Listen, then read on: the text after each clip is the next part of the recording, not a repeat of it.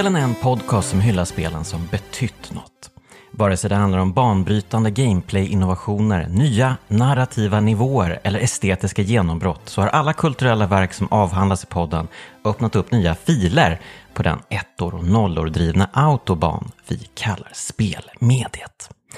Jag heter Jonas Högberg och idag välkomnar jag Sara Bergmark Elfgren. Tack så mycket. Kul att vara här. Ja, eh, otroligt kul att du kunde komma. Alltså, det var ju lite trassligt där, så från min sida. Ja, det roliga är ju att vi, vi hördes väl av kanske i september någon gång mm. och eh, nu är det då 13 december. Men, men hörde vi, hördes vi egentligen inte innan sommaren redan? Att du hörde mm. av dig till mig första gången? Så att ja, kanske. Det har faktiskt dragit ur ännu mer på tiden. ja, men så valde du också ett spel som är lite knepigt. Det är ju ändå mycket spel här eh, som vi tvingats ta oss an här. Tvingats och tvingat, det var väl underbart att få åka på semester. Mm, verkligen. Eh, men du, eh, alltså senast vi talades vid så var ju det en helt annan podd och då pratade vi lite om din point break fanfiction. Eh, hur står det till med den idag? Oj, ja, det var länge sedan. ja, det var ju då, kanske jag ska tillägga en berättelse som var skriven på beställning till en antologi. Mm. Där man skulle på något sätt spinna vidare på eh, fiktiva karaktärers öden i olika filmer. Mm. Och då tänkte jag på den här, eh, ja, den här liksom, the innocent bystander. Just det, just det. Så, eh, grönsaksförsäljaren som får sitt eh, eh stånd manglat eller eh, någon som blir mm. liksom mm. nerknuffad i förbifarten. Av, Just det, i sådana jaktscener och sånt. Exakt, ja. och då hade jag den här, eh, en kvinna där som eller två, personer från den här jaktscenen i Point Break genom villaområdet. Mm. Och det här har lämnat avtryck på deras liv. Okay. Um, men ja, alltså den kom ju ut för över tio år sedan tror jag att det ja. var nu. Och jag, okay. jag, det var länge sedan jag hörde någon prata om den. men det var faktiskt ganska roligt för det var eh, Carl Jonsson som mitt första samarbete. Aha, okej. Okay. Um, alltså Kalle som har, um, som jag gjorde Vej med, mm. serieromanerna. Mm. Um, då kände inte vi varandra så himla, himla väl, i alla fall inte så väl som vi känner varandra nu. Så Nej, okej. Okay. Men det, det, var en serie alltså? Nej, han gjorde en illustration till uh, den här uh, berättelsen. Okej, okay, kul. Mm. Ja, nu blir man ju sugen på point break fanfiction. jag har faktiskt aldrig skrivit fanfiction i övrigt. det är ingenting ja. jag säger för att jag, för att jag skäms för min slash fiction. Mm, uh, mm. Men utan det är bara, det har, jag har aldrig gjort det faktiskt. Men du, det var ju länge sedan som du sa och eh, sedan dess har du ju passerat mycket vatten under broarna och du har ju blivit eh, megastor och du har gjort jätte, jättemycket grejer. Och framförallt så har du ju liksom eh, anammat alla typer av berättarmedia känns det som. Det känns som att du har varit och tallat på allt möjligt eh, egentligen. Alltså du är ju författare, manusförfattare, dramatiker, du har skrivit serietidningsmanus, Um, alltså du har ju eh, du har liksom poddokumentärer, um, radio... Mockumentärer åtminstone. Ja. radiodramer och eh, så har du ju även skrivit manus åt ett spel också. Mm. Uh, Playstation VR-spelet Ghost Giant. Mm. Finns också till Oculus numera. Mm. Okay. Mm. Ja, alltså så med tanke på allt detta då, vad har du kvar att erövra? Jag skriver faktiskt ett opera-libretto just nu. Nej sant? Okay. Ja. det, var, wow. det var väldigt uh, roligt att bli tillfrågad. Det var väl kanske ingenting jag aktivt hade gått runt och drömt om. Mm. För det skrivs inte jättemånga nya operor. Så att, um, men det är väldigt spännande, väldigt roligt. Mm, mm. Ja, eh, alltså jag vill särskilt då passa på här eh, att berömma dig för serieromanen Vej som jag verkligen älskar. Och eh, jag funderade lite på när jag kontaktade dig ifall vi skulle liksom, jag skulle, skulle tvinga dig att spela något vikingarelaterat spel. Men så blev det inte. Um, och det var väl lika bra det, för det blev ju ett fantastiskt spel som du valde. Vi hade ju kunnat prata om God of War i och för sig. Ja, ja precis. Senaste, ja. Men, ja, inte absolut senaste, för det har jag inte spelat. Men, ja. Mm. ja, precis. Um, men det blev The Witcher 3. Mm. Och, men inte huvudspelet, utan expansionen, Blood and Wine, som vi ska prata om. Mm. Um, och det blev ju lite av hävd också. Um, varken du eller jag orkade ju spela om hela spelet igen. Nej, alltså jag skulle inte hinna göra det kände jag riktigt. Ja, jag förstår det. Uh, och om jag skulle lägga ner så många timmar på ett spel så kanske vi spelar ett spel jag inte har spelat förut. Mm, förstår det. Och jag gillar verkligen Witcher 3-expansionen också. Jag gillar Hearts mm. of Stone också, men jag tycker mm. Blood and Wine är... Uh, jag tycker nästan att det är Witcher när Witcher är som bäst.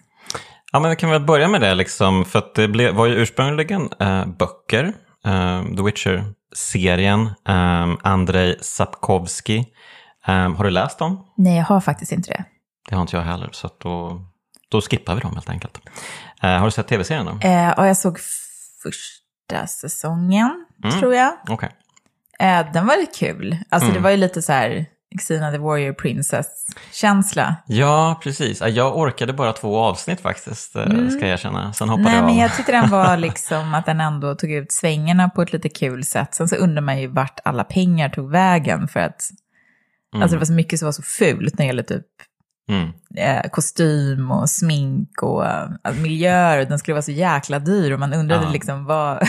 Gick lönen bara till huvudskådespelaren eller vart tog Han pengarna känns i och för som man skulle kunna gjort det gratis bara för att spela Geralt. Ja men det är ju lustigt, han, han ser ju ut som att han är huggen ur granit eh, mm. och så är han värsta supernörden. Mm. Eh, det är ju fantastiskt roligt faktiskt. Um. Men ja, alltså Witcher-böckerna, serien, spelen. Det är ju spelen som verkligen har fått The Witcher att bli liksom det här fenomenet som det har blivit. Och eh, jag vet inte, alltså det är ju eh, en värld som på vissa sätt liknar vår, men som jag har förstått det, jag är inte superinsatt i liksom allt bakgrunds ehm, eh, lore i spelen, eller i böckerna för den delen. Spelen är ju liksom en variant av böckerna. Eh, och en vidareutveckling. De berättar ju saker som böckerna inte berättar och sådär. Eh, men det handlar ju då om Geralt of Rivia. Och vem är Geralt? Ja, uh, sexy grandpa picking flowers. Som ja. någon beskrev honom. ja, det är ju faktiskt inte helt oäven beskrivning måste jag säga. han är ju väldigt grumpy, men han har en mjuk sida som ofta kommer fram. Ja, det beror ju lite på hur man väljer att spela honom också. Mm. Ehm, jag är ju så här så att jag alltid vill hjälpa och försöka vara sympatisk och försöka göra folk glada i spel. Mm. Mm. För att, ja. Sen kan jag tycka att det är kul att kolla på YouTube då kanske och kolla på vad, vad är det deppigaste slutet man kan få i The Witcher, men jag vill helst inte uppleva det själv. Det, det. det, är mörkt, alltså det slutet på huvudspelet. Och, oh. och, även den här. Ja, alltså huvudspelet har ju typ 36 olika slut, men det är väl bara liksom små variationer jo, i och för sig. Jo, men det finns väl um, tre... Tre huvudslut ja. liksom. Ja. Precis. Uh, jag kan väl gå in lite snabbt bara på The Witcher 3. Mm. Uh, bara berätta lite om uh, vad det går ut på. Um, det är, utspelar sig då i en värld som heter The Continent. Vilket jag tycker är liksom, hur lat får man vara när man döper sin värld liksom? Herregud. Um, och det är på någon sorts uh, jord, inte vår jord, någon annanstans helt enkelt, någon fantasivärld.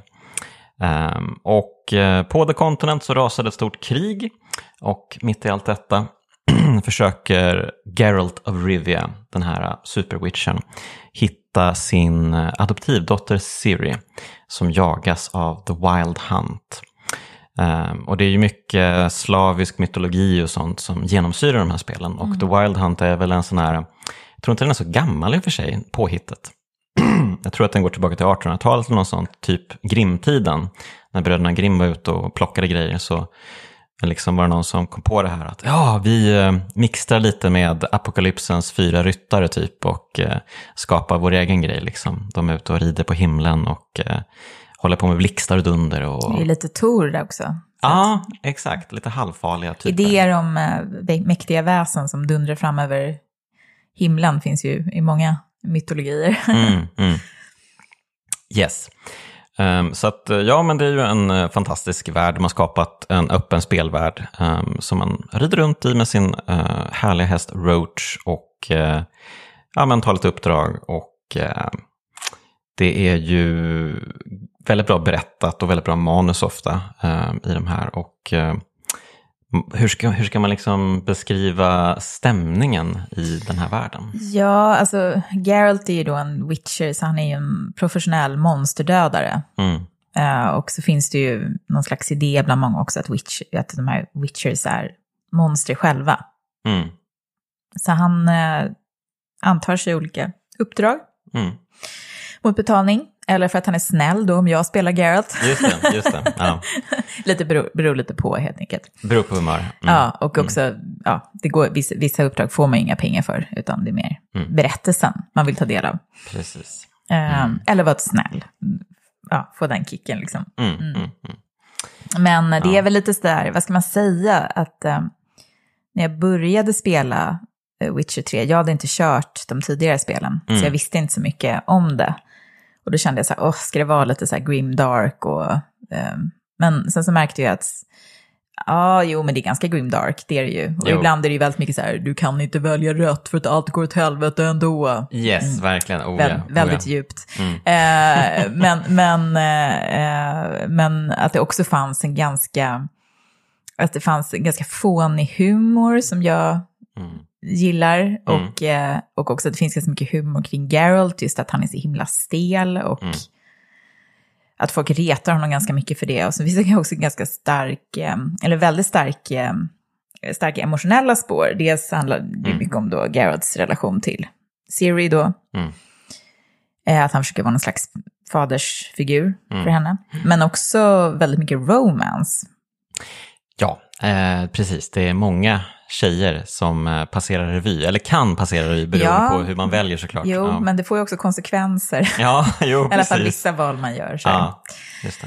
Eh, men det finns ju ändå en, eh, det, det, det, är en mix av eh, eh, olika stämningar kan man väl säga. Som gör Mm. att det också inte blir sådär allt är lerigt, alla är halvdöda.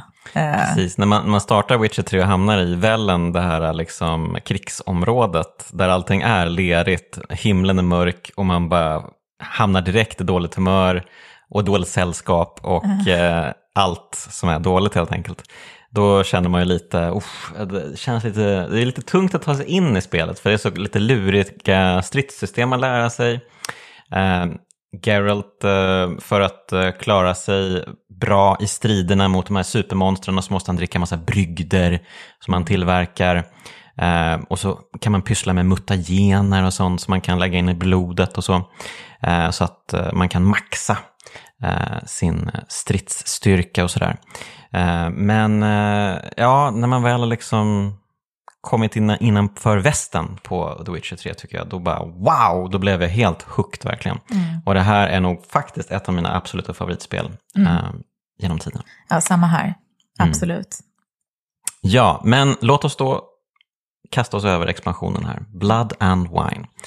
Ehm, och eh, precis som Witcher 3 är ett superspel så är ju expansionen en av de absolut bästa expansioner jag någonsin spelat. Kanske den allra bästa. Ehm, den är ju liksom, det känns ju som att det är, okej, du genomled The Witcher 3, all den liksom depression och ångest och, och lera och sånt som fanns där. Nu åker du på semester. Ja, jo men det är, ju, det är ju lite så, definitivt. Mm. Um, Han hamnar i uh, Toussaint. Toussaint. Ja. Toussaint va? Toussaint! ja, Okej, uttalsbeivrare. ja man säger S-A-I-N-T på franska väl Saint. Okej, Ja, jag har bara läst franska på eh, högstadiet tror jag, så att, eh, jag ska inte in och bråka med Mm. Jag det. kanske kommer vara lite fransk besserwisser. Ja, men det låter bra. Det Inte för att jag är någon expert, men ja. Det låter som det. Mm. jag kan nog låta som en i alla fall. Sen, Ja. sen kommer du få klagomål av folk som kan franska på riktigt. Precis, men han, han kallas ju till Toussaint, Mm. Toussaint? Toussaint eh, av Anna Henrietta. Eh, som är, eh, ja vad blir Duchess, blir det hertiginna kanske? Ja, Mm. hertiginna. hertiginna över det här äh, hertigdömet. Och eh, det har hänt hemska saker här och det tror man ju knappt är möjligt. Eh, solen skiner, eh, vinet flödar och eh, det är liksom någon sorts blandning av södra Frankrike och eh, Italien typ. Eh, det är bara en massa dalar och gröna kullar och vingårdar. Blommor och- Ja, blommor. Ja, massa massor av blommor. Alltså det är så Färgglada himla... hus. Ja, men eh, det är verkligen så här klichébilden av hur eh, liksom en romantisk getaway eh, ska vara. Eh, men då är det så att två riddare har hittats mördade här i Toussaint. Mm.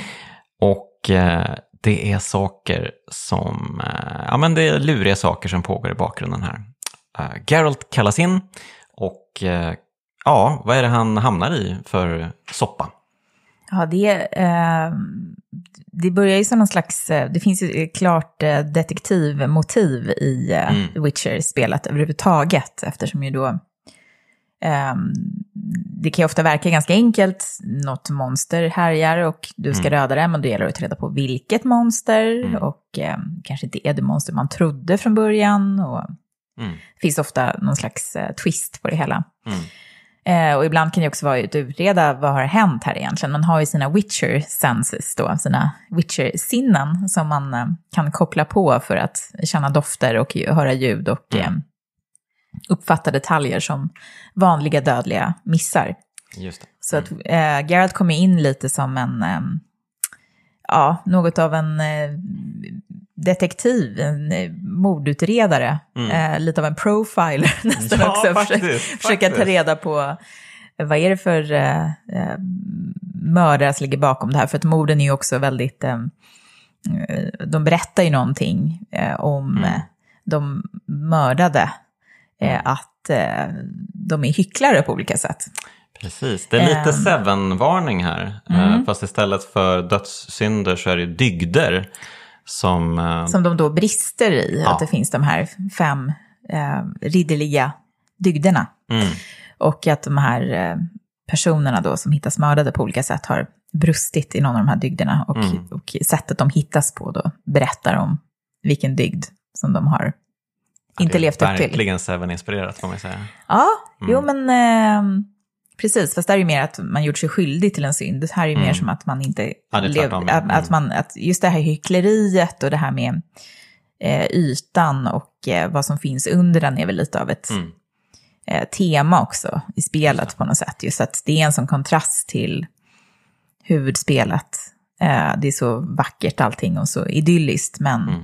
naturligtvis så finns det också eh, mörker under ytan och eh, det finns en, ja, de här riddarna är inte så ridderliga helt enkelt. Nej, eh, de här sed, eller dygderna då, det är ju, tror jag man översätter till ära, tapperhet, medlidande, generositet och vishet. Eh, även om ära kanske var lite snabböversatt av mig. Det kanske man ska, tror jag, honor. Typ. Heder kanske. Heder kanske bättre. Ja, ah, heder mycket bättre. Precis. Um, yes, och uh, det är ju någon som trillar av pinn direkt man kommer till uh, Toussaint. Så mm. det blir ju tre mord att utreda. Men ganska snart då så får Geralt upp ett spår och uh, det är ju vampyrer som mm. ligger bakom. Eller till synes ligger bakom i alla fall. Mm. Det finns en um, Ja, men en eh, farlig vampyr som heter Deathlaugh som eh, verkar vara den som har... Väldigt töntigt namn, tyvärr. Alltså, förlåt, men Deathlaugh. Alltså, Deathlaugh. Ja, mm. det, det kanske lät bättre på polska. Jag vet inte. Ja, just det. Precis. Hur är din polska? Den är icke-existerande. Ah, Okej, okay. shit. Okay. Ja. ja. men han i alla fall, eh, han, han, är, han ser ganska cool ut och mm. ser, väl, ser väldigt vampyrig ut får man ju mm. säga. Mm. Och Ja, kort eh, efter att man har stött på Detlef och han undkommit Geralt så dyker ju en annan vampyr upp som mm. heter Regis och är um, Geralts gamla kompis som har varit med i böckerna.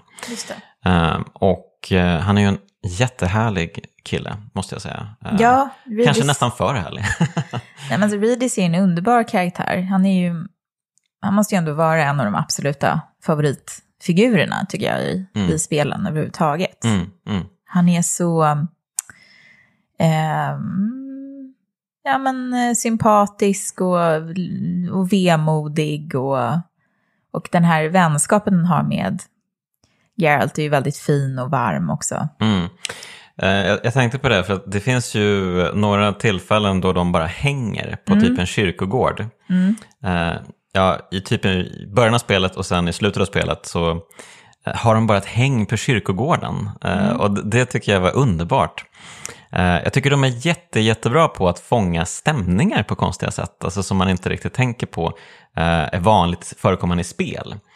Eh, för där är det oftast eh, gå till eh, objektiv A, eh, fortsätt till B och eh, du ska göra dina saker. Man, man landar väldigt sällan tycker jag i, i spel i eh, stämningar. Mm. Som man gör i framförallt Blood and Wine. Um, så att ja, han är ju underbar, Regis, vilken kille.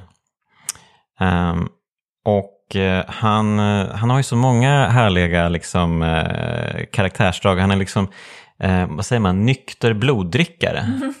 Så att en, någon sorts um, alkoholistvarning på honom och uh, tidigt uppdrag gör ju att man måste spärra in honom så att han Eh, ja, men han luktar blod och på så sätt blir mer vampyrlik och på så sätt så kan de få en ledtråd till var Detlef befinner sig någonstans. Just det, i, uh, uh, i den här questen som heter Kaj och Fu, som ju är en uh, referens, då, det är väldigt mycket referenser i det här spelet, mm. till den här väldigt flamboyanta filmen. Som, och den är ju ganska alltså vibbarna mellan Regis och Geralt, alltså det var, jag, jag, jag, har inte riktigt kollat, men jag ska inte förvåna mig om det fanns jättemycket, apropå slash fiction och fanfiction, eh, berättelser med dem. Och definitivt mellan Regis och Detlef också. Mm. Det är ganska starka så här, homoerotiska vibbar. Ja, eh, framförallt eftersom uh, Detlef då har räddat livet på Regis. Mm. Uh, de pratar ju mycket om det, att vampyrer kan egentligen inte dö. Uh, de är egentligen odödliga och det enda som kan döda en vampyr är en annan vampyr. Um, och uh, ja, då när Regis hängde med Geralt en gång i tiden då i böckerna så blev han helt enkelt uh, nedsmält till en liten gegga. så där som det blir ibland. Så som det blir ibland när man hänger med witchers. Ja. Um, och ja, efter ett tag då så upptäckte den här Deathlaugh Regis och Eh, använder sitt eget blod och eh, sina eh, magiska kunskaper för att mm. återbörda honom till livet. Man så. kan ju absolut, jag menar, det är ju inte så att spelet eh, berättade eh, som att det finns någon slags romans här, men det är väldigt lätt att läsa in det. Och mm. det tycker jag också att det är ganska fint att spelskaparna inte... Eh, alltså, de gör inte så mycket för att försöka motverka det heller. Nej. Precis. Det är inte så att de bara, ah, nu ska vi prata om brudar för att vi ska visa att vi inte har... Ja, ja. ja eh, och just också det här hur de leker lite med det här. Eh, när Gerard ställer, stänger in dem i en bur och frågar om de ska ha ett safe word och dra på sig någon svart dominansrustning. Just det, just alltså det, är ganska, det är ganska mycket som händer Precis. där. Precis, det tänkte jag inte ens på. Herregud, vad uppenbart. Ja. fast, fast inte på ett, inte på ett så här förlöjligande sätt, utan det är mer som en liten, ja, en liten kul En kul liten grej. tease sådär. Ja, uh, precis. Mm. Kanske lite också så här till, möjligtvis skulle jag kunna tänka mig att det kanske finns en sån lite, men vi vet att det finns många fans som mm. skriver slash. Ja, eh, men han, han, är ju, eh, han är ju underbar Regis helt enkelt och jag håller med dig. Han är ju eh, en av eh, spelhistoriens bästa karaktärer skulle jag säga. Mm. Eh, alltså han är så eh, varm och god och härlig och eh, det är precis som du är inne på, det finns ju, för att han Regis han vill ju helst inte att uh, Geralt ska sätta liksom uh, pålen i Deathlaugh. Nej. Uh, han tycker ju, kan vi inte prata med honom först? Kan vi, vi hittar honom, snackar med honom ehm, och du vet, uh, ja, okej, okay, han kanske har dödat de här tre personerna, men han har sina skäl, jag känner honom. Mm. Så att han, han är ju verkligen mån om uh, Deathlaugh. Det är ju, de har ju ett band helt klart, mm. tack vare den här räddningen som Deathlaugh gjorde på Regis. Um, ja, men då, ja, efter ett par uppdragen i spelet så får man ju nys om en annan spelare i dramat. Nämligen Anna Henrietas syster. Mm. Cyanna. Mm. Uh, gillar du den namnet? Ja, men alltså det är väl ett smeknamn va? Vad var det? Sylvia Anna heter hon egentligen. Ja, just det. Just det. Mm. Ja, så att de båda heter. Alltså det är en jäkla mix av alltså, namn och dialekter och mm. alltså det är ju, alltså det, det är bara helt eh, slumpartat ibland. Någon kommer och pratar, det låter som, var kommer du ifrån? Ska det här vara någon slags eh, norsk dialekt eller, bara, alltså, ja, eller tysk? Ja. Eller, alltså det, det är verkligen det är verkligen all over the place när det gäller både namn och uh, ja, uh, röstskådespelarnas dialekter. Verkligen, verkligen. Ja. Um, mm. Det låter inte så franskt uh, direkt i alla fall. nej. Nej. nej. Um, männen. Mm. Ja, nej men Sian är väl, hon är ju någon slags femme fatale-karaktär. Det är mm. ju lite noir twist där som visar sig att det är en kvinna då som ligger bakom det här och att hon har använt den här Detlaf i sitt spel och mm. dubbla identiteter och så vidare. Så att, Precis, hon äh, har ju varit äh, Detlafs äh, älskarinna någon gång i tiden. ja, hans stora kärlek. Hans stora kärlek. Ja, han har ju mm. verkligen mm. hakat upp sig på henne kan man säga. Mm. Och, mm. medan hon inte har gjort det på samma sätt visar det sig. Och sen mm.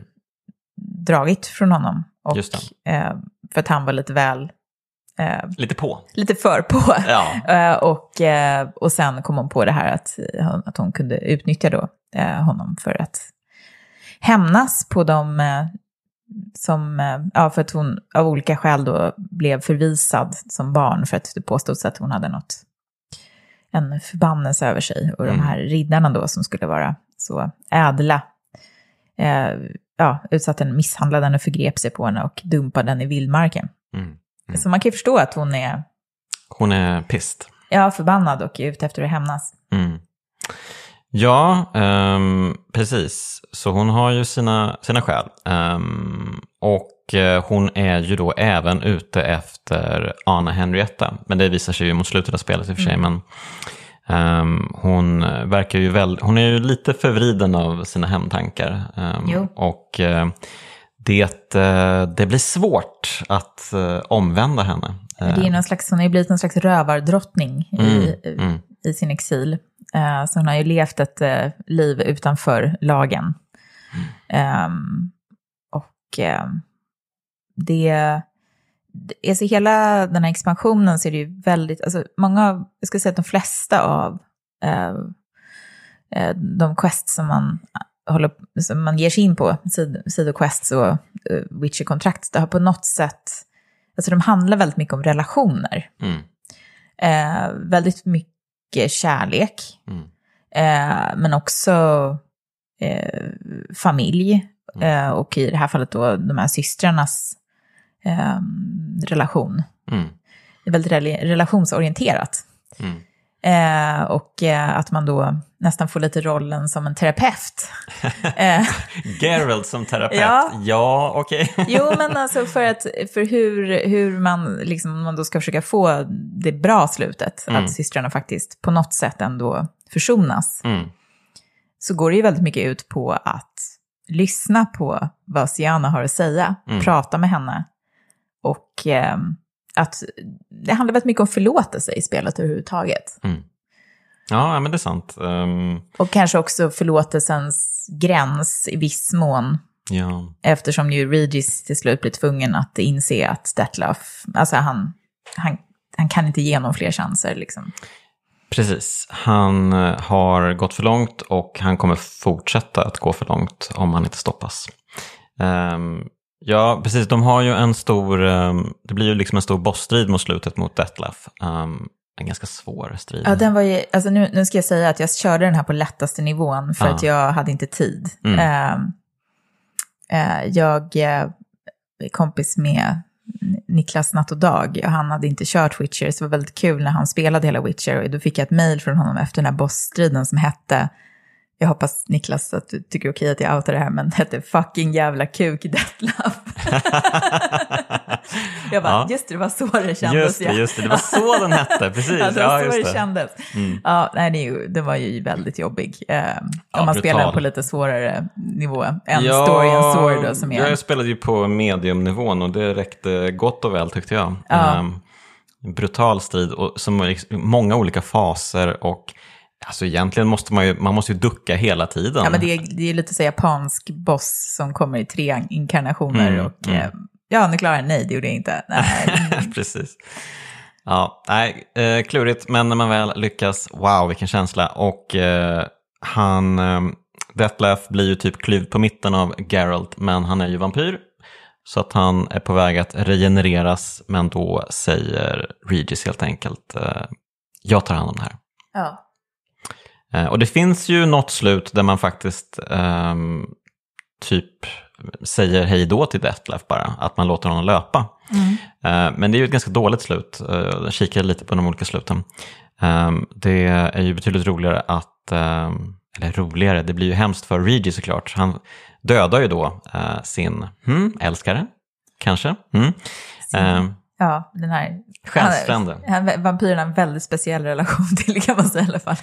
ja, precis. ja. Um, så att, uh, ja, och han man, blir ju också en, eh, en paria bland andra vampyrer på grund av det här. Mm, mm. Att han måste fly.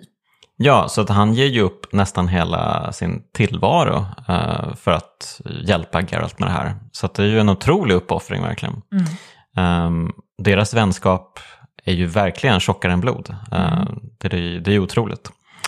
Uh, så man älskar Regis från början till slut verkligen.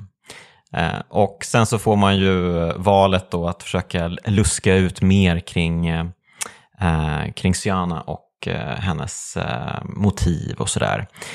Men vi måste ju faktiskt gå in på det, det absolut roligaste som händer i hela spelet mm. innan dess.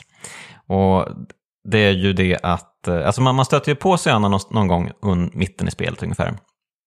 Och eh, räddar henne, tror man, från eh, någon snubbe, The Sintrian tror jag, eh, har haft någon borg någonstans.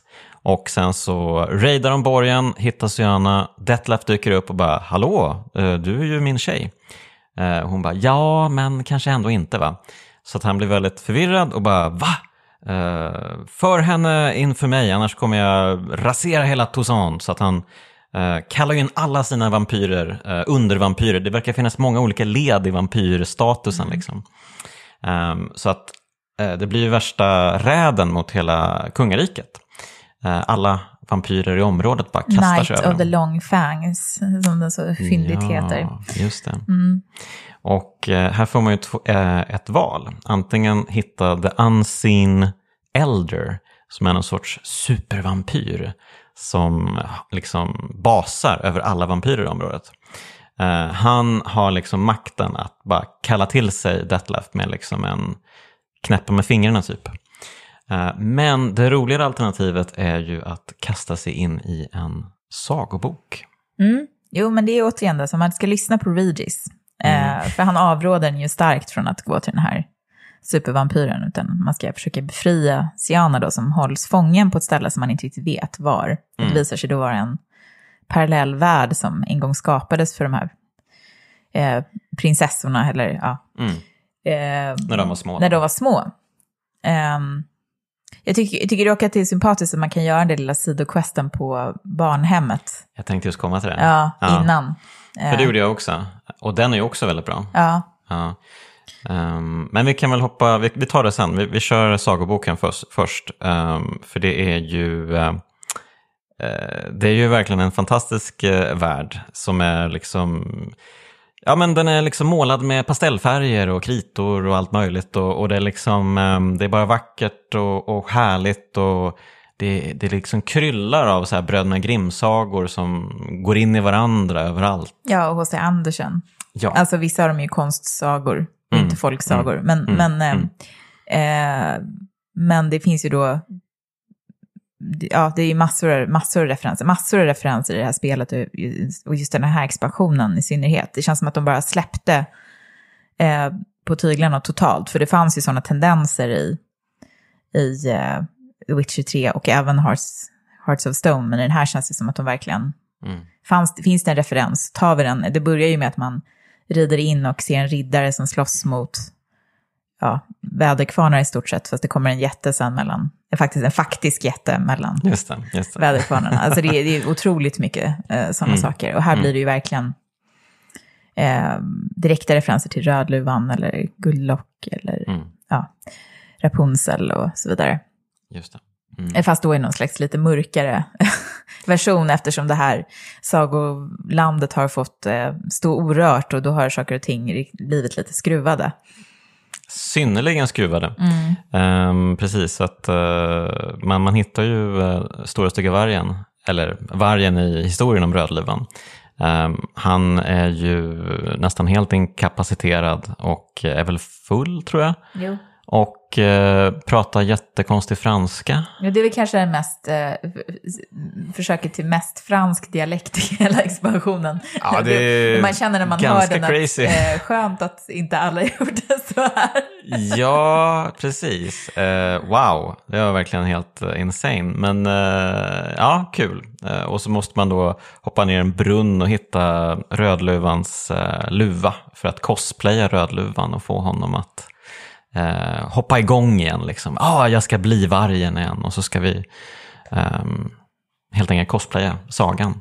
Jo, det är ju den här idén om att sagor, alltså, han, han, han måste få sin roll för att kunna, alltså, få en chans att spela sin roll för att mm. det här ska kunna fungera. Mm. Så här, sagans mekanism. Det handlar ju ganska mycket om berättande också och eh, sagor mm. och barn är ganska också mycket ett tema Mm. Eh, det är fler barncentrerade berättelser i den här mm. eh, expansionen, upplevde jag i alla fall, än, än eh, tidigare. Mm. Jag tycker den här skoputsarpojken som man mm. möter till exempel, eller det här det. barnhemmet, eller de här två flickorna, alltså att få, få deras historia då, återigen, Gerald som terapeut, att han måste förstå deras barndom. Mm, mm. för att kunna Absolut. lösa mysteriet och eh, man befria ju... dem från deras komplex. ja, verkligen.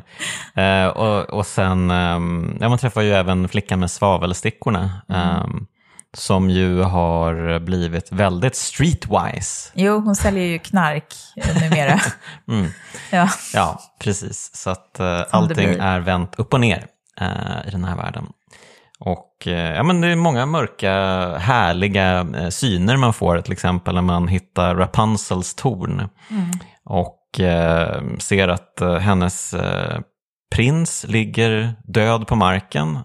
Han har mm. antagligen klättrat upp i hennes hår, tappat fästet och eh, fallit och dött. Mm.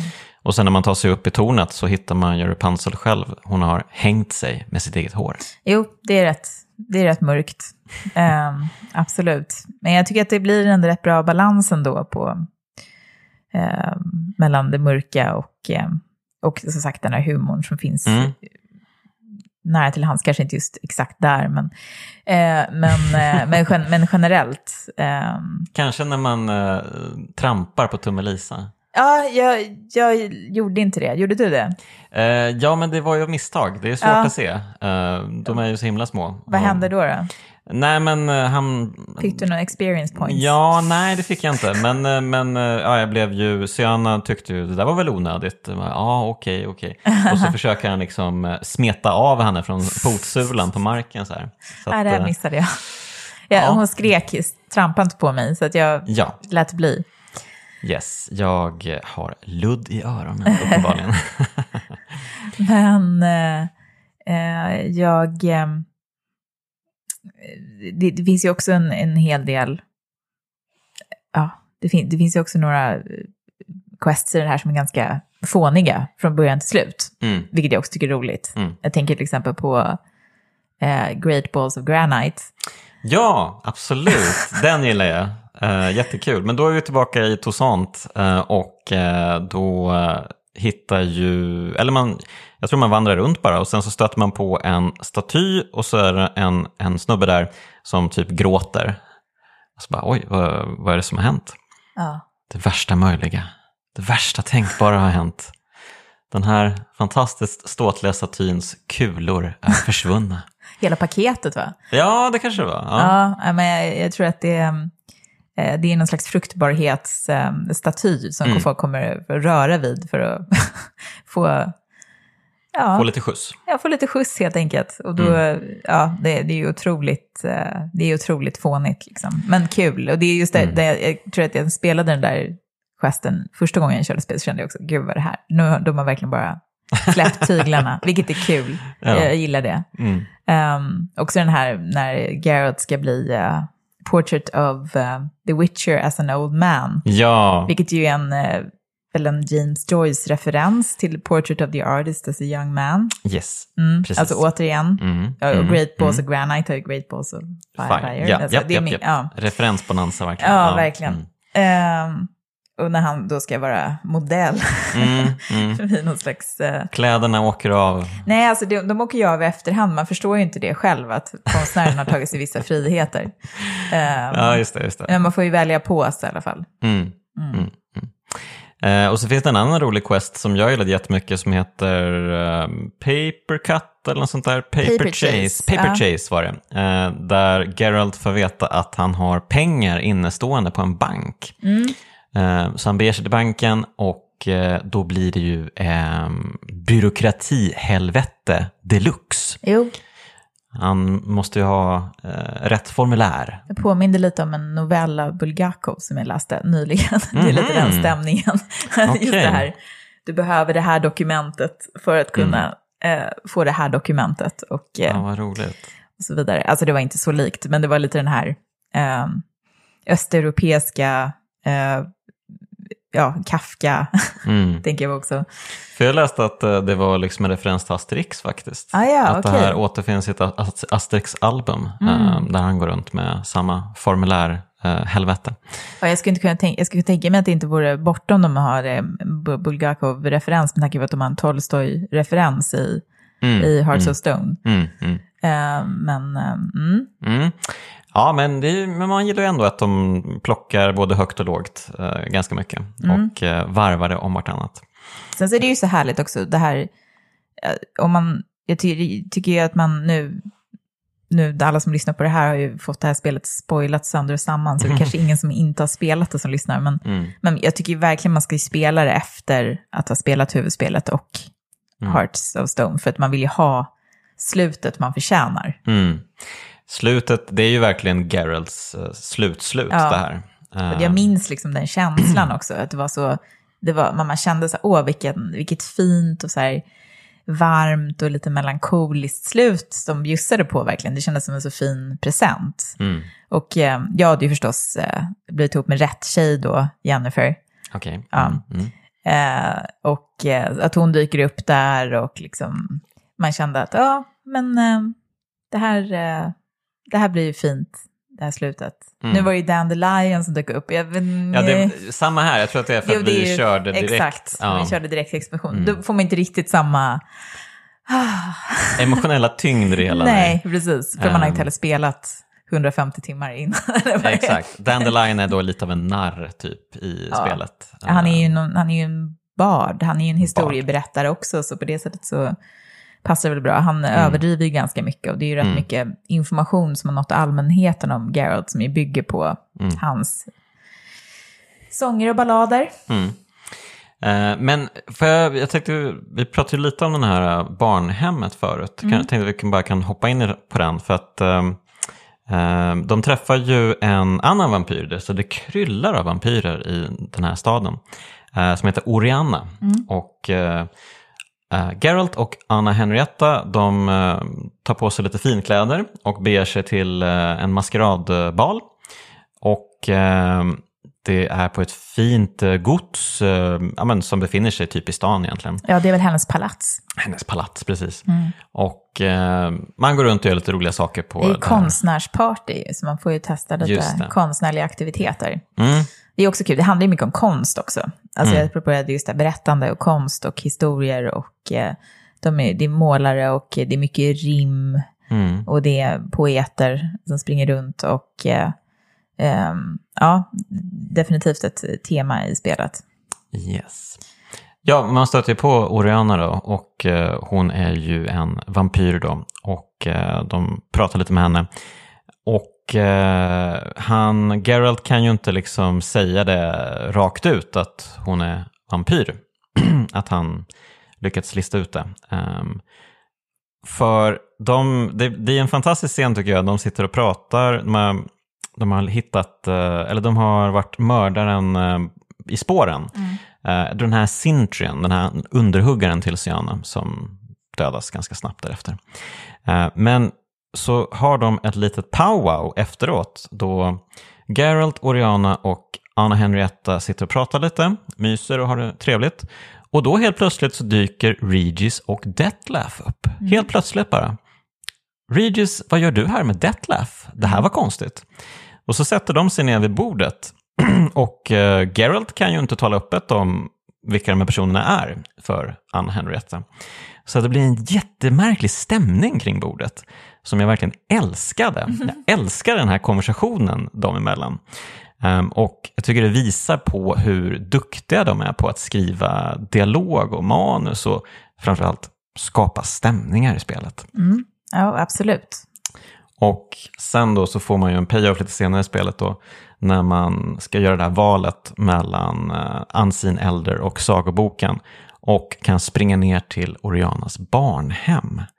Ehm, och där möts man ju av en ganska brutal syn. Många barn har ju dödats. Ehm, det har varit någon varelse här. Ehm, Geralt spårar upp den samtidigt som Oriana, eh, han lämnar Oriana ensam eh, i barnhemmet med det överlevande barnet. Han dödar monstret, hittar någon lapp som menar oj då, vänta lite, allt står inte rätt till. Springer tillbaka till barnhemmet, upptäcker att Oriana håller på att mumsa på barnet. Jo, han ska väl bara rapportera om hur det gick egentligen. Ja. Alltså att han, han har dödat den här lite då lägre vampyren som har varit där och mumsat innan mm. henne. Jo, men det, hon använder ju det här barnhemmet som någon slags snacksbuffé. Hon ja. dödar dem inte, går dit och tar en liten, Precis. En liten uh, nibble. ja, och uh, det, är ju, uh, det är ju hemskt. Men, men samtidigt säger ju det här barnet att Nej, nej, nej. Eh, det här, eh, alltså, annars hade vi ju varit eh, hemlösa och levt på gatan. Nu får vi vara här med, med Oriana. Bara, Jaha, hmm. okej. Okay. Och samtidigt är det så fint att uh, Geralt, som alltid är, du vet, uh, han har ju kontroll på sina känslor för att han är en witcher. Ja. Han kan typ inte bli uh, upprörd eller uppjagad. Mm. Men här blir han lite arg faktiskt. Jo, jo. Nej, men han säger ju att han tänker komma tillbaka och ta henne någon annan gång. Mm. Um, så att, uh, ja, kul att se att uh, även Geralt kan... Uh... Blood Simple hette ju det. Questen ja, som Coen... fina filmen baserad på, ja. en referens. Mm. Mm. Coen-filmen, yes. Exakt. Det finns ju, apropå de här lite mer fåniga äventyr, så finns det ju den här Equine Phantoms också. Mm, just det. Som jag inte hittade första gången jag spelade, utan fick höra talas om sen. Och sen gick jag tillbaka och körde Mm. Där man ju då får, där ju Garretts häst börjar prata. Ja, precis. Och alla djur i skogen mm. har ju en egen röst. Just det. Ja, Även om de, de har och... återvunnit rösterna från byborna i staden. Typ. Ja, ja, men man kan springa runt och prata med djur helt enkelt. Mm. Och det, då bryter ju fjärde väggen ganska mycket också. Det gör mm. de ju verkligen på slutet i, i spelet. Eh, yes. Men här är det ju liksom att Garrett frågar Roach om hur Roach egentligen kan dyka upp överallt när han visslar. mm. um, så det är lite roligt. Det är kul att de tar mm. sig sådana... Ja, det, det, det, det är ju någonting lite det där karnevaliska, så här, att man mm. kan ta sig de här friheterna uh, i just den här expansionen, eftersom den också mm. är så... Som jag förstår det så är ju Tosan bara en plats som nämns i förbifarten i böckerna, så att de har mm. haft väldigt stor frihet. Mm. Ja, och eh, en annan favoritquest är ju The Warble of a Smith and Knight. Mm. Um, där man får spela turnerspel. Um, samtidigt som man ska försöka agera någon sorts matchmaker mellan en riddare och en dam, en adelsdam. Mm. Uh, men kruxet i kråksången, eller hur man nu säger, uh, är ju att... Uh, kraxet i kråksången. Kraxet i kråksången, precis. Eh, är ju att damen har en hemsk förbannelse över sig mm. och håller på att förvandlas till en fågel. Mm. Um, och ja, är man duktig uh, så kan man ju då få, uh, ja men helt enkelt plocka den förbannelsen på lite olika sätt. Mm. Man kan ju dels använda något, ja, förbann avförbannelsekit på henne som gör att hon får leva i sju år till. Mm. Eh, men så kan man också föra över förbannelsen till eh, riddaren. Ja, man kan ju träffa på dem sen då, eh, om man väljer det alternativet, mm. att de mm. fortfarande är tillsammans och kan ha inte fått några allvarligare sidoeffekter än att han har fått dun på privata ställen. Mm. Precis, just det. och hon säger typ I kind of like it. ja, men perfekt. Ja. Ja, um, och, och, det kan ju också bli så att um, riddaren dör och då Ja, jag tror ändå lite senare i spelet i när äh, de här vampyrerna svämmar över Tosan så kan man hitta henne eh, gråtandes över en gravsten mm. eh, också. Så att, ja men det känns som att de, de bygger ut de här uppdragen så mycket och ger så mycket liksom mer smak på allting och så mycket extra material på allt. Mm. Um, så att, eh, ja men verkligen fantastiskt. Men jag tänkte, mitt absoluta favoritquest har jag inte nämnt än. Och vilken är det? Det heter, jag ska jag hittar här. Um, ja, men det vi pratade om tidigare, La Cage Faux. Ja. För det utmynnar ju i någonting annat sen. Ja, ett steg på vägen till den här eh, dominansburen, ja, ja. Eh, BDSM-fortet, eh, så är det ju att man ska hjälpa en, eh, hjälpa eller skälpa, höll jag på att säga, en, eh, en vålnad eller en wraith. Mm. en eh. white tror jag det är i Okej, okay, det var det. Okej, okay, just en white var det. Mm. som ja, som har en förbannelse över sig visar det Det är många förbannelser. Ja, mm. men det är ju sagovärlden här också som vi är i. Ja, ja men det är så härligt att de bara, ja det var en förbannelse. Ja, ja, okej. Okay. Ja. jo, nej, men där finns ju också en, en, um, en crossover lite grann till Hearts of Stone. Mm. Um, där man förstår att antagonisten i, huvudantagonisten i Hearts of Stone har varit i farten. Det är han som faktiskt har lagt förbannelsen. Det, ja. Ja, just det, det kan man förstå när man läser lite backstory runt omkring, men framförallt så kommer hans tema in musikaliskt. Mm, snyggt, snyggt. Mm. Ja, men det, det, är ju en fantastisk quest tycker jag, eh, för att uh, ja, man kan väl såklart lösa den på olika sätt. Man kan ju säkert döda det här white Det är ju sällan monstret. den bästa lösningen exakt, i Witcher. Exakt. Uh, ibland är det bra att uh, gömma sig i en garderob och lyssna lite. Ja. vilket jag gjorde. och den här whiten kom in. Det är ju någon sorts monster, oklar definition exakt, men ser lite äcklig ut helt enkelt och eh, håller på att prata för sig själv. Och eh, Geralt inser till slut att ja, ja, ja, alltså han har ju plockat upp ledtrådar mm. i huset också. Mm. Det här häxslottet. Att eh, ja, ja, ja, den här damen eh, har blivit förbannad och den är en väldigt specifik förbannelse som han har fått på sig också. Mm. Um, så att han, eller jag gjorde i alla fall så att jag öppnade dörrarna, gick ut och uh, sa hej till Whiten som mm. bara va? Vad gör du här? Mm. Eller snarare så här, lite så lät nog, det var nog så det var, ja precis. um, och uh, hon har ju desperat försökt få folk att uh, äta middag med henne. Mm. Hon, alla som passerat förbi har de försökt liksom tvinga till bords och äta med henne. För att hon vet ju då att det enda sättet att bryta förbannelse på något sätt, hon är i alla fall medveten på, no på något mm. sätt att hon måste få folk att äta middag med henne. Mm. Uh, för det var ju det hon nekade den som förbannade henne, uh, nämligen ett mål mat. Mm. Att det var säkert någon, det var någon sorts festdag också. Ja, det var väl att det finns, fanns någon se där att man inte fick neka en hungrig ett Just mål mat. Precis. Och hon var ju väldigt rik och hade ju verkligen mat över. Mm. men straffades då för sitt högmod. Ja. och ja, det, det, det är flera steg i bryta förbannelsen att eh, äta med henne. Men hon kan inte äta med någon sked, så då får man äta utan sked. Och sen så måste hon se sin spegelbild. Och den här spegeln, ja, det är den här spegelförsäljaren som ju eh, har lagt förbannelsen då. Mm. Och sen så kan man ju hjälpa henne ytterligare så att hon får komma och laga mat hemma hos en. Mm. På, för mm. det är ju också en grej vi inte har pratat om, att man ju får chansen att det är en, en stor grej med Geralt. En stor grej, men mm. en huvud, ett huvuddrag hos de här eh, hos Witchers är ju att de är on the path. Mm. De har inget hem egentligen. Mm. Fin, har ju någon slags bas i Care Moran. Mm. Men eh, han har inget hem. Men nu får han för första gången ett hem. Så det är en nedgången vingård då som man får rusta upp och lägga sina pengar på. Otroligt kul. Mm. Inredning. Mm. Jag gillar det. Okej, okay, ja. Uh, får göra det riktigt fint. Odla saker. Ja. Hänga och... upp tavlor på väggarna. ja. Och då kan hon eh, hjälpa till med Ja, då kan hon det. komma och jobba hos en Mm. i köket. Och det, det. är hennes dröm, tydligen. ja, hon är ju ganska gammal, hon har, Ja, den ja, här visst. förbannelsen är liksom... Absolut. Ja, Jo. så att, eh, det är inte så mycket kvar för henne. Men eh, varför inte vara kocka åt en Witcher? Ja, nej men det verkar göra henne lycklig, så att, eh, det är ju bra. Men det är en väldigt fin quest, jag håller med om det. Mm, mm.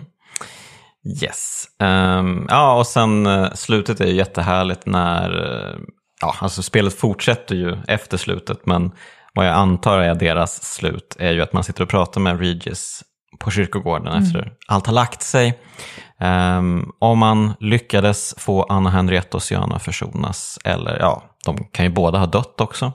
Syana kan ju ha plockat eh, Anna Henriettas hårnål och slicat upp henne. Ehm, så att, eh, det finns såklart många utkomster. Men det slutar i alla fall med att de sitter och pratar, myser, det är stämning. och eh, då tittar han för första gången in i kameran. Mm. Och säger tack till spelaren för att du har varit med på den här resan. Mm. Och det är ju jättefint. Ja, otrolig känsla om man då har spelat 200 timmar. Mm. Ja, men det var fint nu Ja. också och, och eh, återbesöka det. Men det är ju verkligen, du får ju mer tyngd när man har kört allt innan. Ja, det är ju verkligen wow, jag är klar med det här nu. Det känns både... Mm. Och de är klara, man får lite den känslan också, att de är klara med den här berättelsen och Mm. har lagt in. Det känns som att de har lagt in liksom allt de gillade med att göra med Witcher och lite till Mm. i, i den här expansionen. Och sen är det klart. Jag har inte, jag har inte spelat Cyberpunk, jag är inte så sugen på det heller. Jag har inte Nej. hört så mycket gott om det, men eh, Det var inte så bra kan jag säga. nej, det var ju tråkigt. Men eh, de ska ju göra mer Witcher-spel, fast det ska ju då inte vara med Geralt. Ehm, Nej.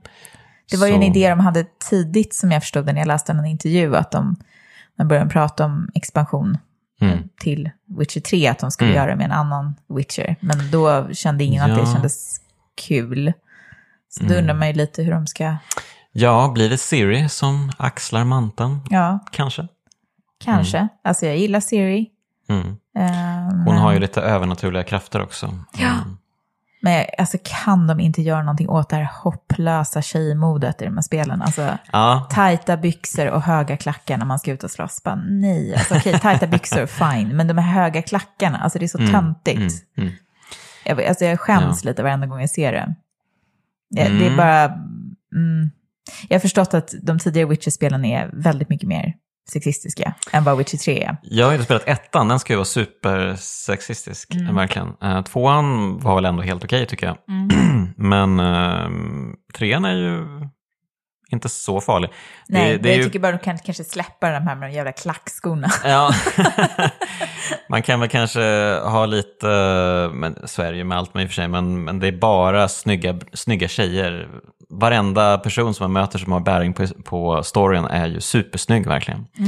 Ehm, och det är sällan man får se någon lite alldaglig bara dyka upp och snacka lite. Jag tycker ofta i och för sig att även de, de här snygga ofta ser lite... Ja, men, alltså, vi har ju inte pratat om sexscenen, förlåt, vi måste prata om sexscenen. Ja, just det, herregud! Den, Ja, det är lätt att man förtränger den, för att den är ju Wow. väldigt, ja, wow. Wow, den äger ju rum då i sagoboken. Ja. Ehm, och eh, ja, den, den, det är ju ett val såklart, men eh, varför inte testa en sexscen om man får eh, chansen liksom? Är det är ju alltså i moln, molnsex, alltså flygande, Ja, alltså det, det är otroligt roligt. det är fantastiskt. Och så är det moln som täcker könen och så. Ja, ja. Men alltså det, sexscenerna i, jag har inte aktivt sökt upp sexscener i Witcher, jag har väl liksom haft, man får till det med, om man nu satsar på, man kan ju inte hålla på med fler tjejer, alltså nej. generellt sett. Det, det finns ju några man kan hålla på med, men Mm. liksom de två stora kärleksintressena kan man ju inte försöka spela samtidigt. Men jag, Nej, det, jag, det får man surt eh, veta det får, man, det får Mm. man betala priset för. Men, Mm. men, eh, eh, men han får väl till dem igen eh, på den där enhörningen som de tydligen gillar att klättra upp på. Lite Eh, oklart. Just det, just det. Just det. Eh, mycket referenser till Precis. där enhörningen, även i Blood and Wine. Mm, Eh, mm. Men jag har, jag har liksom ändå undrat så här, hur gör de det här? Alltså gå till prostituerade är ingenting jag vill göra med min Geralt. Eh, men så jag tittade lite på det, om, alltså det, alltså det, det bara någonting med de här, de här hudtonerna, Ja. och som jag också tänkte på den här månsexscenen, att de ser så här plastigt glansiga mm. ut. Och, och, och någonting, alltså kropparna bara ser så stela ut. Ja. Alltså det är så motsatsen till sensuellt verkligen. Mm. Man känner bara så här, alltså jag hade inte behövt göra det här för det ser mest mm. bara väldigt Alltså jag, jag, får sån medskam när jag, när jag ser det. Ja, men jag, jag tror att det har faktiskt blivit ännu värre i den här Next Gen-uppdateringen oh, med Gud. glansigheten. Oh, nej. Um, oh. För att de ska visa, oh kolla, nu har vi verkligen shine här på grejerna. Ja, shine på grejerna. det var ganska roligt, jag visade den där månsexscenen för en vän som inte har spelat mm, spelet. Mm, mm. Och han bara, det, det, ser lite ut som den här, uh, uh, vad heter den? Uh, Team America World Police. Ja, just när de ska det. Ha, när de har en sexscen. Det är mm, lite den känslan. Mm. Den stela dockorna. Så. Ja, alltså ja. det var väldigt svårt att förstå. Skulle det vara sexigt verkligen det här? Eller skulle det Men vara här måste humoristiskt? Vara, det här måste ju ändå funnits humor i. Jag tror det. Ja, jag tror ja, det. Ja. Eh, det Annars de är det ju jättekonstigt. Nej, men jag, jag, tror nog att det här ändå var att det skulle vara rätt outrageous. Men mm. generellt sett så är det ju... Mm. Nej. ja, nej, jag har också väldigt svårt för, för det i spel. Även Mass Effect-spelen och sådär. Man kan ha sex med folk hit och dit. Eh, det känns alltså jag kan, lite... jag kan väl tycka att det finns ett... Det är väl kul att ha det som ett inslag i berättelsen, absolut. Det är mest mm. bara att det ofta bara ser väldigt sökt ut. Men som ofta, ja, men som ofta sexscener i filmer är ju ofta ganska plågsamma att titta på också. Liksom. Mm. Ja, oh ja. Um, även om man saknar lite de här 90-tals duschscenerna som fanns så himla mycket i film på 90-talet. uh, tänk på specialisten framförallt. Oh, vilken fruktansvärd sexscen det var. Um, ja. Nej, men jag, jag, tycker man kan sakna sex på film idag. Det är väldigt kyskt på ett mm. tråkigt, tråkigt sätt. Liksom. Ja. Istället för att kanske bara försöka göra bättre sexscener. Just det som inte bara är såna här 80-tals objektifierande, kolla mm. ett par tuttar i den här yes. random-filmen och så slänger vi in ett par tuttar. Mm. Uh, men uh, ja. Mm. Ja, uh, ja, men här kanske vi når sagans slut helt enkelt. Um, om du ska försöka sammanfatta det här då. Vad, vad är det som gör just Blood and Wine till en kraftexpansion. Eller ett kraftspel. Mm. Nej, men jag, jag, tyckte att jag, jag mådde väldigt bra när jag spelade det. Jag tyckte det var spännande, välberättat, eh, eh, emotionellt, humoristiskt och eh, mörkt eh, och lite lagom meta. Mm. Eh, inte så där meta så att, det, så att det inte känns som att ingenting betyder någonting som händer i spelet. Men mm ehm, en kul kontrast och komplettering till huvudspelet, definitivt. Mm. Mm. Nej, men det, ja, det man, kan, man kan också slappna av lite på något sätt. Man kommer in i det här sidouniversumet och även om det är saker som står på spel så är det inte det här världen kommer gå under mm. eh, känslan. Mm. Och också mixen av genrer, att det är någon slags uh, lite noir och lite saga och det är, alltså det är extremt mycket frozen. Just det, ja det är det ju verkligen. ja, två systrar, ja, ja precis. Jag tänkte på det förra gången jag såg, eh, spelade det tror jag. Men jag Vilket tänkte, kom först? Eh, ja, det var ju Frozen ja. Ja, Frozen kom ja. först. Ja. Mm. Det är också ganska kul. Det är som mm. en vuxen version av Frozen, på sätt och vis. mm. ja. Nej, men det, det är ett toppenspel helt enkelt. Mm. Men spelas ju då bäst tycker jag, när man har kört rejält med Witcher Wild Hunt innan. Ja, herregud vad långt det spelet är. Wow. Verkligen, och det finns så otroligt mycket att göra. Och vi har inte ens pratat om Gwent heller. Som man nej, men alltså helt... det har jag, nej, det har jag bara nej. Jag bara säger nej. Ja, okej. Okay. Mm. nej, men det, där går gränsen. Det där kan jag inte ge mig in i. Nej, liksom. nej, nej, okej. Okay. Jag älskar Gwent. Jo, ja. nej, men jag, kan, jag förstår det. Jag förstår mm. det. det Eh, Gwent skördar sina offer, förstått. Det gör det. Jag har faktiskt eh, en fysisk eh, lek också. Ja. Mm. Nej, men jag förstår ju i teorin och jag har testat det, men jag kände så här att återigen med tid mm. så känner jag att jag tycker inte att det här är så kul, så då spelar nej, jag hellre klart Witcher och sen spelar ett annat spel än att lägga x mm. antal mm. timmar på Gwent. Självklart, självklart. Ja, men alltså, vad är det du letar efter i spel? Liksom? Vad, vad, är det som, vad, är det som, vad är det du dras till med en spel? Liksom? Mm, det är lite olika, men alltså, jag, det är ju härligt med en bra berättelse. Mm. Och jag tycker att Witcher också så uppspelar de här, uppskattar de här Alltså jag, jag, jag blir också lite completionist. Jag vill hitta alla rustningar och jag vill maxa deras uppgraderingar. Och jag, ja. jag tycker det är lite mysigt att göra sådana saker. Mm. Um, men jag tycker det är härligt med de här stora spelen som man kan hålla på och gå runt i. Um, mm. Som Skyrim eller ja, Breath of the Wild som är ju mm. en annan typ av atmosfär. Men, um, men jag kan också tycka det är jätteskönt att spela korta spel. Som jag spelade uh, Limbo ganska mm. nyligen. Mm. Uh, jag hade kört Inside för några år sedan, men Limbo hade jag inte kört. Så det, det var också kul, bara lite så här pussel. Mm. Härligt. Um, ja, men vi får ju hoppas på att uh, det blir mer spel för dig att skriva också. Ja, det vore kul, absolut. Uh, det skulle jag gärna göra. Mm. Härligt. Får vi se om vi kommer till uh, Ghost Giant också här i kraftspelen en vacker dag kanske. Ja, kanske det. Vem vet. Uh, ja, men stort tack Sara för att du var med i kraftspelen. Tack för att jag fick vara med. Och ett stort tack till dig som har lyssnat. Och även de fina, fina pojkarna i Bitpopbandet 047 som gör musiken. Hör ni, vi hörs igen nästa vecka.